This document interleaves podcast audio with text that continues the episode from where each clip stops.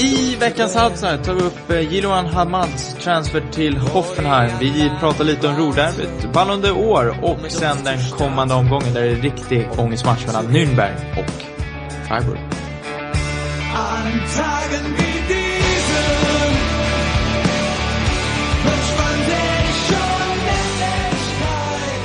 Ein Trainer ist ein Idiot.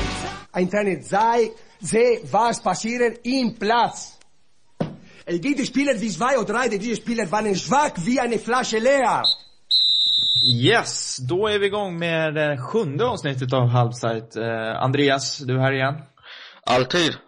Alltid. Eh, ingen gäst den här veckan heller, men det ska vi överleva. Först och främst tänkte jag bara fråga, hur ser vi på det här, vår situation med vart eh, podden ligger ute? För det är ändå en hel del människor som undrar varför den inte ligger på iTunes. Vad är det som händer?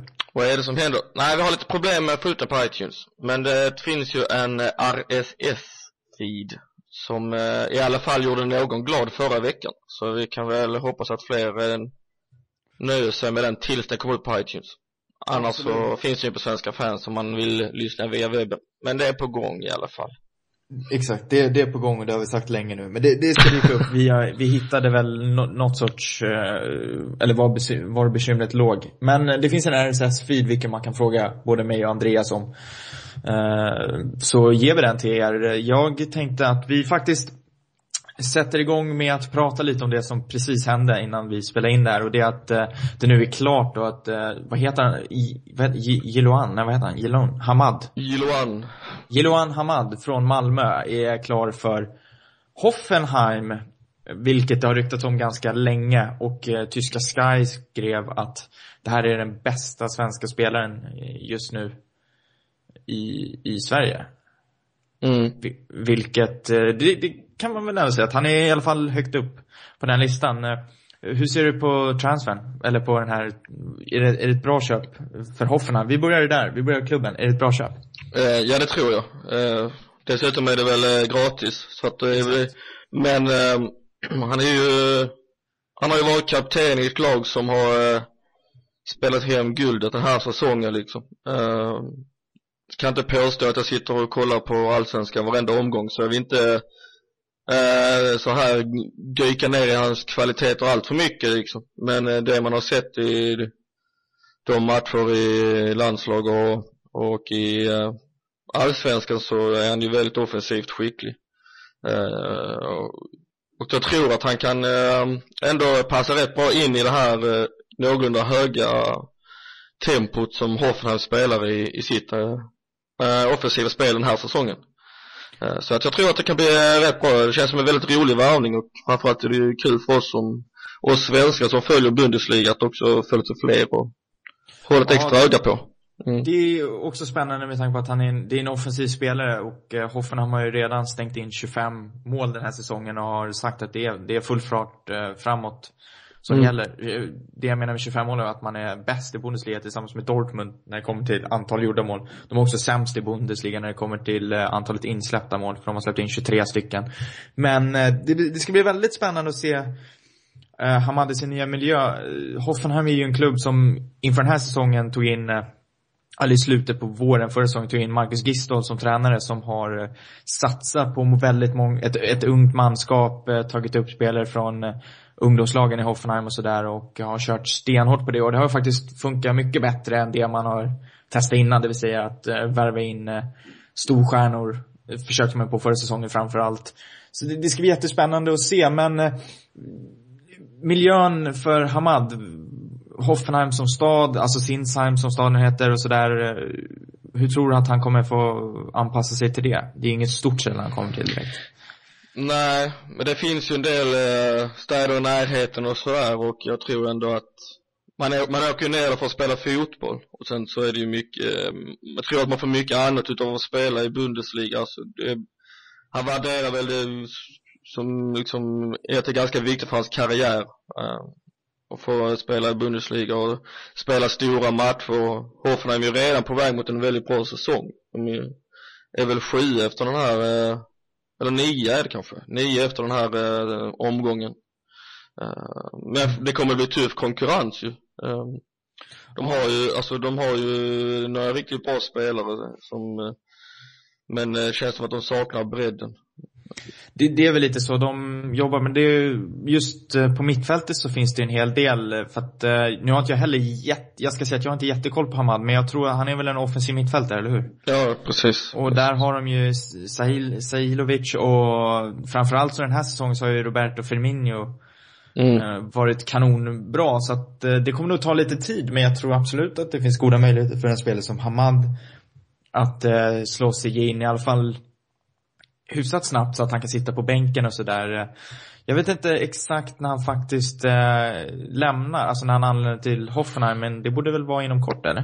Ja, så Malmö har ju en allsvensk match eh, kvar, sen har de väl en eh, cupmatch också.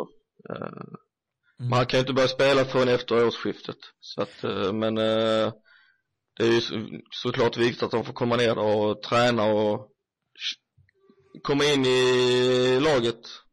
Som är ett väldigt eh, internationellt lag, hela Hoffenheim ju, med mång, många olika nationaliteter och så här och jag tror det är viktigt att eh, liksom eh, kunna anpassa sig till, till miljön och sådär. Men det tror jag att det kommer att gå utan problem.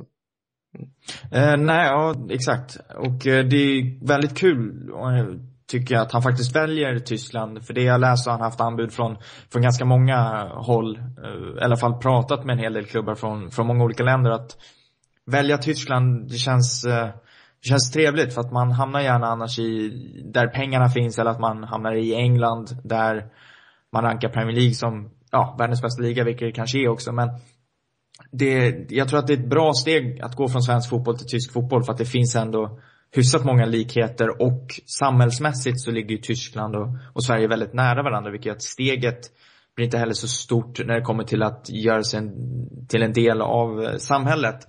Men eh, Ska vi gissa att han har eh, hört av sig till Pelle Nilsson och ställt några frågor? exakt, Pelle lirade ju i Hoffenheim innan han gick till Nürnberg. Det vart ett par säsonger där i Zweite Bundesliga och sen i Erste under Ralf Rangnick då. Mm. Så att jo, det är väl klart. Det är väl ett eh, smart val att göra det. Det, det blir spännande att se i alla fall. Det är kul att han eh, hamnar i Tyskland om inte annat. Absolut. Absolut. Så med det sagt så tänker jag att vi eh, kör igenom eh, den tionde omgången som spelades i, i helgen, så att säga, den helgen som var. Så började på fredagen i ett möte som vi eh, flaggade lite för innan, då Nürnberg hade en ny tränare när de åkte till Stuttgart. Eh, Gertjan Verbeek eh, fick ändå en hygglig inledning för att Stuttgart borta var ingen lätt match, men det slutade 1-1. Och då hade man ändå underläge efter tre minuter då Ibisevic gjorde mål på straff. Eh, såg du matchen? Eh, nej, det gjorde jag inte. Men eh, jag hörde väl inte om några större eh, förändringar rent spelmässigt liksom. Men eh, de var ju, kom ju tillbaka snabbt. Eh, det tror jag är viktigt för ett lag som Nürnberg att vi har tidigt baklängesmål men kvitterar ju bara några minuter senare genom Dyr- Dyrmic. Så eh, vi får väl ge det lite till innan man kan sätta någon stämpel på eh, Fabeks lagbygge. lagbygge. Men eh, Ja, eh, alltså, Viktig poäng. De, ja, verkligen. De levde ju lite farligt. Stuttgart borde väl kanske ha gjort ett vinnande mål mot slutet där de fick ett par riktigt bra lägen. Men eh, spännande var egentligen att se det som händer efter matchen. Just hur, vilken, det kändes som att det var nästan en lättnad i, hos Nürnberg och den glädje som fanns över att man ändå överlevt den första matchen. För, och även för Verbeek då. Spännande. Nu har de, det var den sjunde oavgjorda matchen för, för Nürnberg som fortfarande inte har vunnit i årets Bundesliga och nästa här så möter de ett annat lag som inte heller har vunnit i årets Bundesliga som vi ska prata om senare, vilket är Freiburg. Eh, på lördagen så var det den, eh, det klassiska Ruhrderbyt, Revierderbyt, Det finns många namn för, det, för den matchen och det var ju glädjande för dig som Dortmund-supporter om ett annat, eller hur? Eh, ja, resultatet var väldigt glädjande. Uh, de vann ju till slut med 3-1. Dock så inleddes inte matchen så jätteglädjande med uh, uh, ja, bengaler kanske inte det värsta liksom, men att det kastades in bengaler på plan och även in på en uh, Schalke-läktare från Dortmund-sidan då. Och eh, Till och med en supporter faktiskt. Ja, precis. Och eh, till och med när Roman Weiden, medan övriga spelare lämnade planen på domarens order så sprang Roman Weidenfeldt emot klacken och ja, gestikulerade vad fan de håller, håller, håller på med. och ändå fortsatte sig kasta in eh, bengaler. Och eh, det här var ju eh, Jürgen Klopp och de andra väldigt eh, kritiska mot eh, de- här få individernas agerande då. Eh, där också ett säkerhetsglas gick sönder på läktaren och, och så vidare. Men eh, så det var lite tråkiga eh, incidenter där och som kommer innebära eh, dyra böter såklart för eh, Dortmund och eh, förhoppningsvis då avstängning utav de som eh, åker med för att eh, sådär. Att tända bengaler och sådär, det är en annan diskussion liksom. Det, det händer ju varstans och Men man får ändå s- säga att hela det förhållningssättet Alltså som Dortmund har haft till situationen, det har ju nästan varit exemplariskt. Alltså från det att Weidenfeller går fram och försöker lugna publiken och säga att, visa på att det här är fel. Mm. Till att de, det de kommenterar, det vill säga att de skäms för det som har hänt. Eh, det som händer efter när de tackar publiken, eh, Dortmund efter segern, vilket de är helt rätt i. Det var som de sa, man ska inte dra alla supportrar över en kam. Det här var ett fåtal av dem, hur många var det? 6000? Ja, något sånt kanske. eh, som Dortmund-supportrar som var där. Så det var helt rätt att gå dit och tacka och sen så går vdn, eller BVB, Borussia Dortmund-chefen ut, eh, Watzke där och säger att eh, de ska leta efter de här personerna, alltså man ska göra det med precision, det ska inte gå snabbt, man ska göra det med precision och man ska göra det rätt. Mm. Så att det var ju nästan liksom formulär 1A, de gjorde det verkligen, tycker jag i alla fall, med ögon som inte är som är, som är objektiva så tyckte jag att det, de har ju skött det riktigt snyggt faktiskt. Det tycker jag med, det tycker jag också. Ehm, Men eh, Matchen i övrigt, ja, eller själva matchen rättare sagt.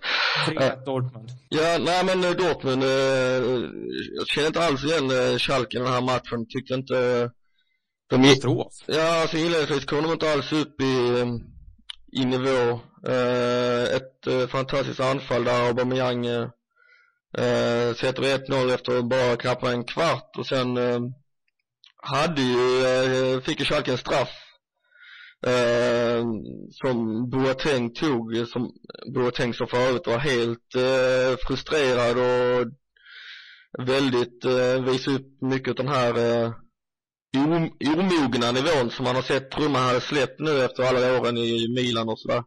Eh, som, om man trodde han hade liksom tappat. Men eh, i alla fall han missar ju straffen eller Weidefeller räddar. Eh, Kan vi också påpeka att det var nog den absolut billigaste straffen i årets Bundesliga. Eh, Den var, eh, den var billig, men det var också onödig kan jag tycka utav eh, Subotic. Där. Eh, tyckte att, eh, alltså han kom in väldigt sent eh, och väldigt, det var liksom, kändes ganska orutinerat. Eh, och, men, eh, alltså annars tycker jag Subotic gör en klockren match i det stora hela förutom ett par eh, eh, incidenter då. Men hade, hade Schalke gjort 1-1 där så eh, vet jag inte hur matchen hade slutat. Liksom. Men eh, det var en viktig räddning. Sen så bjuder ju Sain på ett fantastiskt 2-0 mål. Eh, som man eh, önskar man kunde få se fler den här säsongen. Men det var väl på tiden att han fick smälla dit den. Och, eh, sen kom Max Meyer in i 60 jag reducerar men eh, det kändes aldrig som att Schalke var riktigt nära och sen när Blasjukovskij gör sista 3-1 målet så kändes det avgjort. Det får man ändå säga, är det någon spelare i Schalke som man ska verkligen säga, som gjorde en bra, som gjorde en okej insats, till och med en bra insats, så var det ju den här 18-årige Max Meyer. Mm. Eh, Den talang som vi kanske har pratat minst om i Schalke när man har Draxler och Goretzka, men som kanske har egentligen visat mest den här säsongen. Helt klart, helt klart. Nej, det var eh, verkligen bra. Sen måste jag ju eh, häva fram eh, Henrik Mkhitaryan i den här matchen som ligger bakom eh, samtliga mål i princip och var, eh, gjorde kanske sin bästa match i Dortmund så här långt. Tycker fortfarande att Nuri Sahin eh, överglänste hans insats. I den här matchen absolut, men ja alltså målet där när han slänger in den i borta, det, Ja, det är vackert. det är vackert. Så det var eh, skönt, det var en revansch efter fjolårets 2-1 förluster mot Schalke. Så det var en viktig seger för Dortmund i mångt och mycket. Absolut. Eh, Det som jag kan säga då, eh, som utöver att det var en, liksom, en, det är alltid en trevlig tillställning, men rent fotbollsmässigt så var ju matchen inte sådär jätterolig faktiskt. Nej, det känns som att det, det, det blir sällan de här eh, i så här viktiga matcher och så här derbyn att det blir eh, någon, antingen så blir det väldigt, eh, ska man säga, eh, vårdslöst och det blev det väl stunder i den här matchen. Eh, hårda tag liksom, men det känns inte som att det ofta läggs upp till någon vackrare eh, fotboll. Men målen var ju vackra på sitt sätt, men i övrigt så var kan jag hålla med om att det inte var eh, någon eh, vidare klass kanske.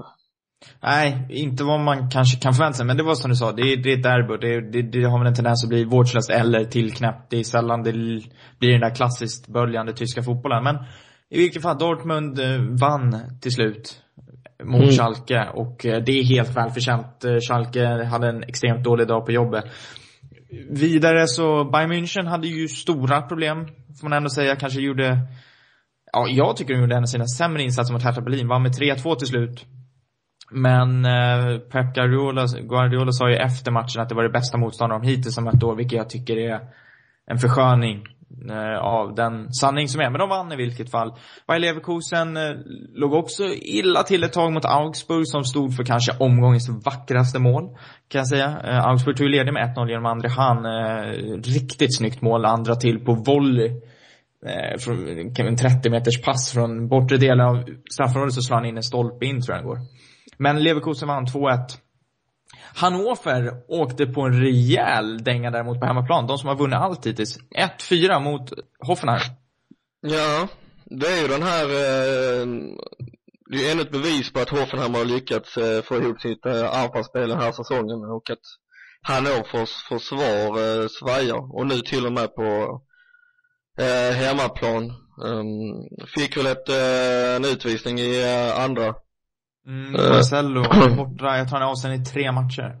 Precis. Eh, och, eh, men då var det ju, då var det ju redan avgjort liksom. Det var ju ingen utvisning som påverkade själva, själva utgången. Men just det, sen så hade man väl, vad heter det? Diouf åkte väl också på en eh, tidig utvisning där. Han det åkte ju, gjorde han också. det hade jag nästan glömt bort, men han åkte ju, eh, t- drog på sig två gula där i. 12 minuter. Efter Snabbast 12 någonsin eh, i Bundesliga.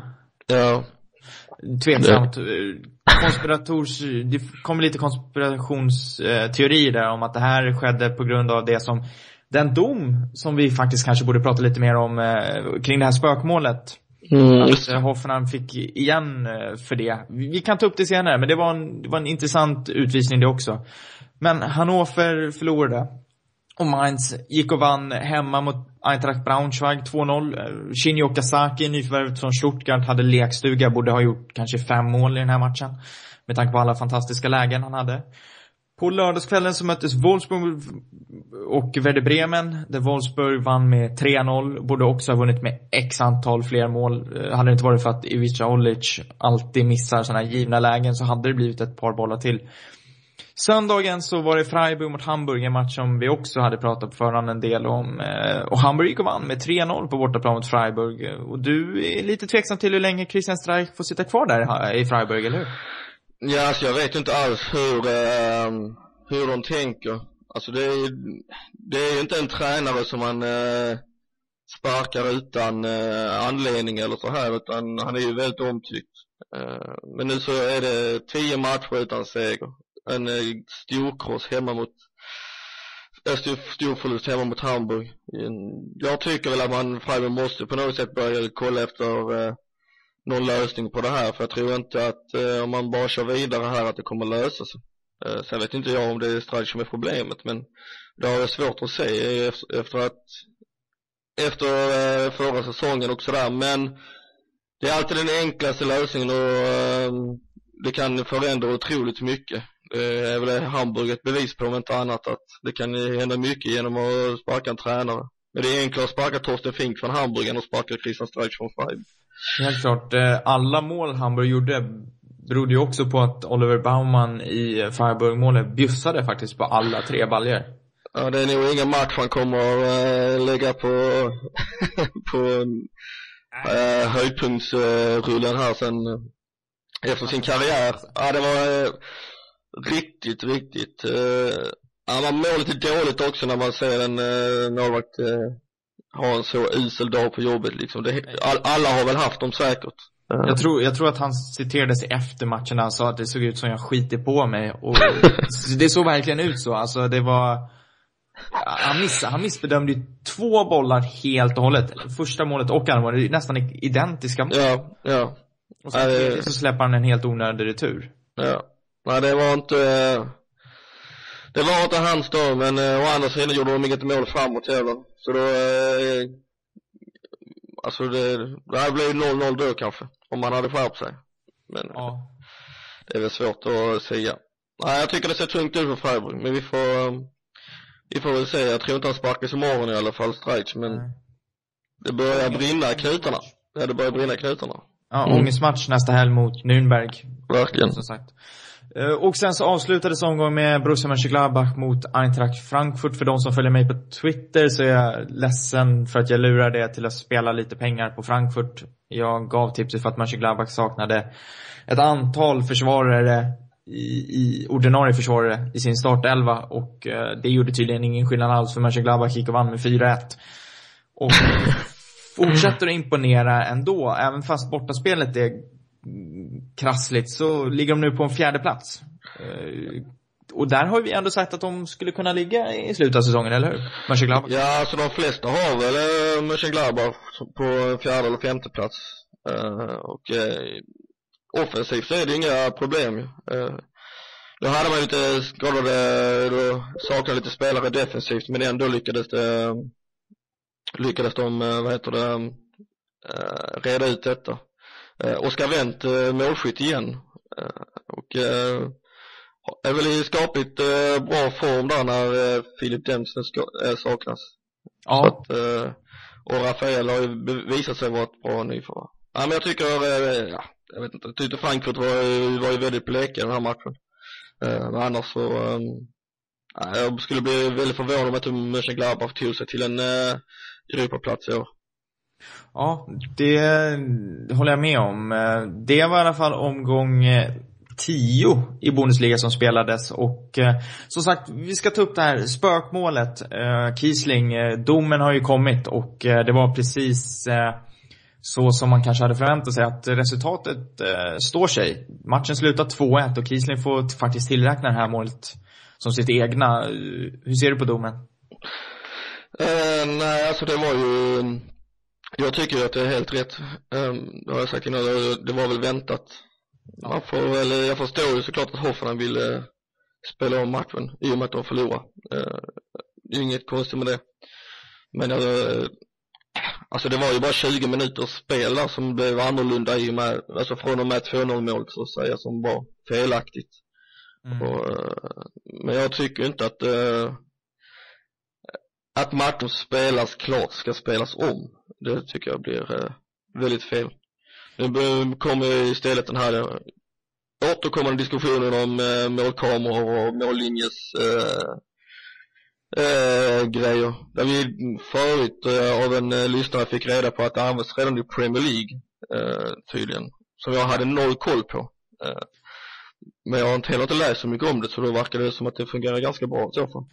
Ja, eh, det man kan säga egentligen eh, efter det här är väl att det är domarna som har hamnat i trångmål. Doktor Felix Brysch är ju den som dömde och han, han sa att eh, han var inte helt säker men att linjedomaren, eller den så kallade assisterande domaren som det heter numera, eh, var den som faktiskt sa att det här var mål och efter det dömde han. Men eh, det som är kul också att Brysch gjorde sen en kanonmatch i, eh, var det i Champions League direkt efter det här skedde. Ska Ja, precis. I, i, I något italienskt lag tror jag var involverat för han fick jättebra betyg i vilket fall. Men det, är- det är som sagt, det är målkameror som diskuteras och det blir spännande att se och det är många som nu har har vänt åsikter och gärna ser målkameror i Bundesliga så att det är nog inte helt otroligt att det kan dyka upp. Kanske inte, det kommer inte dyka upp den här säsongen och jag skulle bli förvånad om det dyker upp till nästa säsong men det har ju helt klart tagit sig ett steg närmare Bundesliga, eller hur? Absolut. Det är, den utveckling som fotbollen går i så kommer det ju komma så småningom. Frågan är ju bara när och eh, hur länge förbundet i Tyskland eh, vill eller orkar streta emot liksom. För de har ju en tendens att inte ta till sig eh, nyutveck nyutvecklingen för fort. Men, vilket är positivt tycker jag. Men vi får se. Ja, absolut. Eh, vidare tänkte jag att vi skulle ta upp eh, den här eh, fina titeln som du pratade om. Ballon de, jag vet inte som det talar, Ballon d'Or tror jag det heter. Ja. Eh, Fifas eh, titel tillsammans med någon eh, fransk tidning. Kan det vara så? Det är nog så. Eh, det, här, det är nu man visar hur stark man är på den kunskapen sitter inte. Men skitsamma. Det är titel för årets spelare. Och eh, nomineringarna har ju fallit och eh, 23 stycken namn finns med. Sex stycken spelare från Bayern München. Manuel Neuer, Thomas Müller, eh, Arjen Robben, Frank Ribéry, Bastian Schweinsteiger och Philipp Lahm.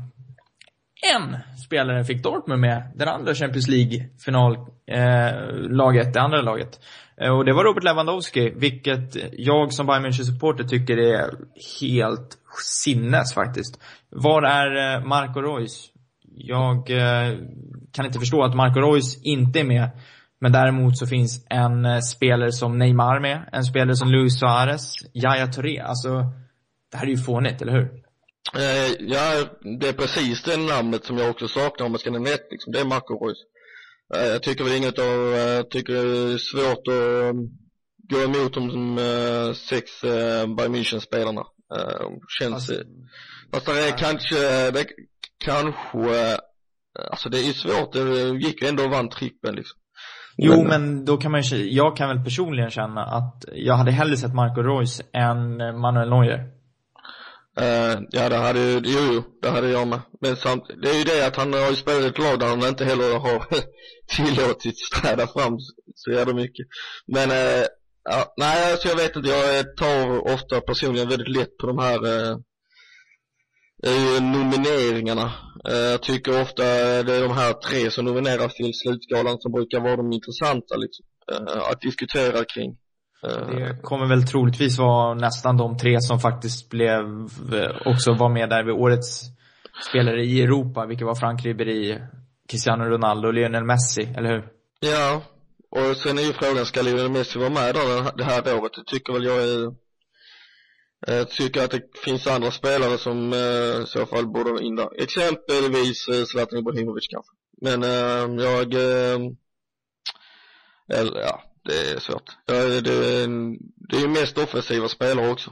Eh, och det säger ganska mycket liksom. Eh, att det är svårt för eh, försvarande spelare eller defensiva spelare att eh, Målvakter helt omöjligt nästan. Ja, som att eh, då måste man ju vara eh, grymt, eh, grymt bra. Alltså då måste du ju nästan ha gjort en avgörande räddning i en EM-final, en Champions League-final och sen ännu en final, om det nu finns någon mer, och en cupfinal för att ens vara med på kartan. Som målvakt i alla fall. Ja. Som, under samma säsong. Ja, Det- helt klart. Det, det är nästan till omöjligt. Men om vi nu ska gissa, vem, vem, vem ser du som vinnare? Vem är årets spelare? Det här antar jag i hela världen då, eftersom att Neymar är med och sådär. Så Ja, eh, vem skulle du vilja se? Eh, jag skulle nog eh, säga Frank Ribéry, tror jag. Jag tror det. det eh, han var ju så otroligt bra under hela våren tyckte jag, så att eh, jag skulle, skulle jag få nämna en spelare så skulle jag nog ta det. Ja, eh, jag är ju inte, nu är jag ju partisk, men det är klart, jag sa det när Europas bästa fotbollsspelare valdes att Frank Ribéry är rätta valet. Och jag tycker inte det har tillkommit någon spelare i den här omröstningen från resten av världen, vilket alltså är typ Neymar, som faktiskt är bättre. Utan det, det känns som att Ribérys säsong är, eh, är en oslagbar. Sen att han inte gör lika mycket poäng som Cristiano Ronaldo och Lionel Messi är ju för mig egentligen ganska obetydligt, för det handlar ändå inte om att, alltså det handlar om en helhet på något sätt.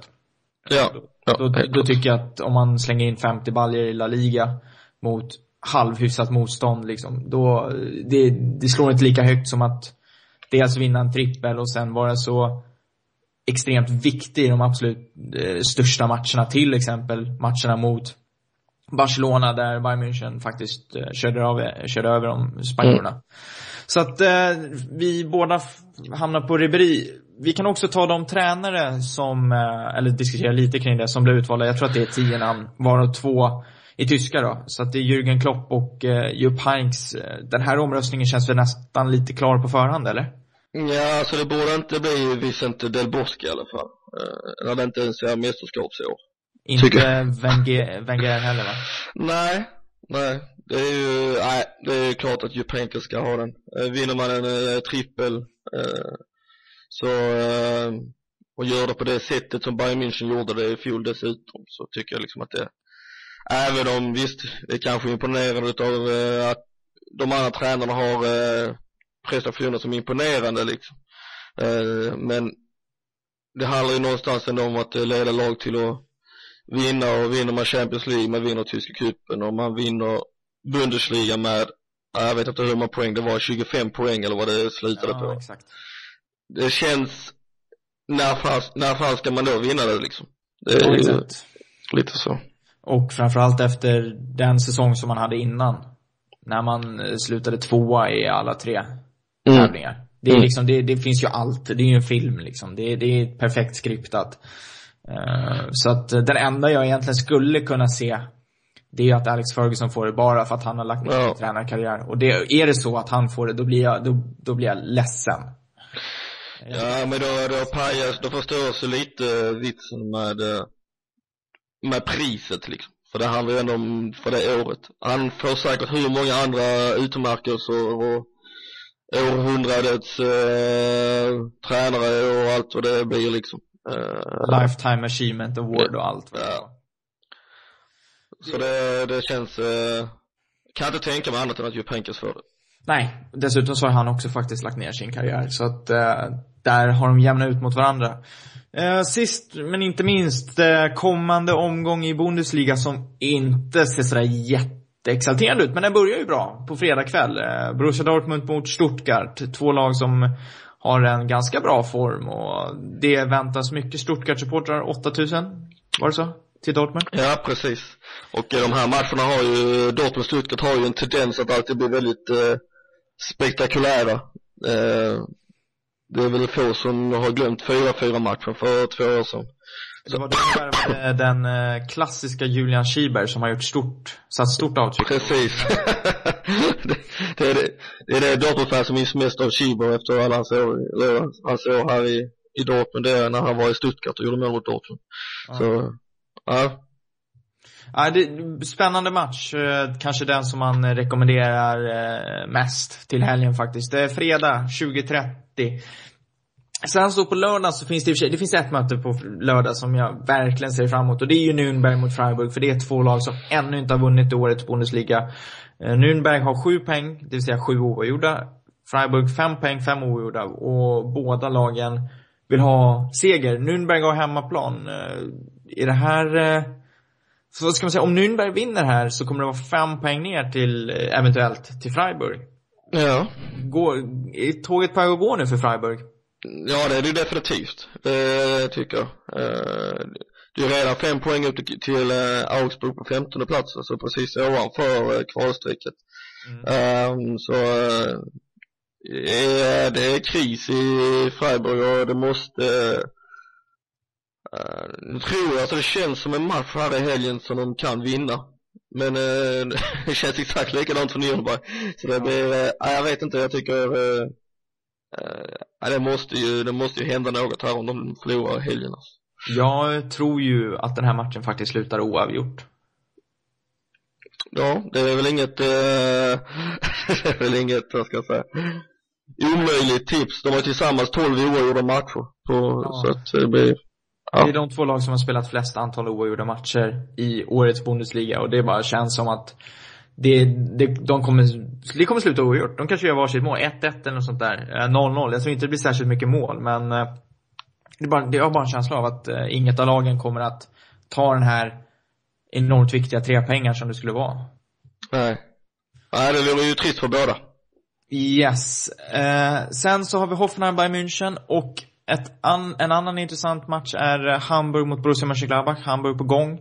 Mönchengladbach, eh, alltid intressant. Spelar nu på bortaplan. Eh, kan de göra, har de någonting att sätta emot Hamburg på bortaplan med tanke på deras ganska dassiga bortafacit?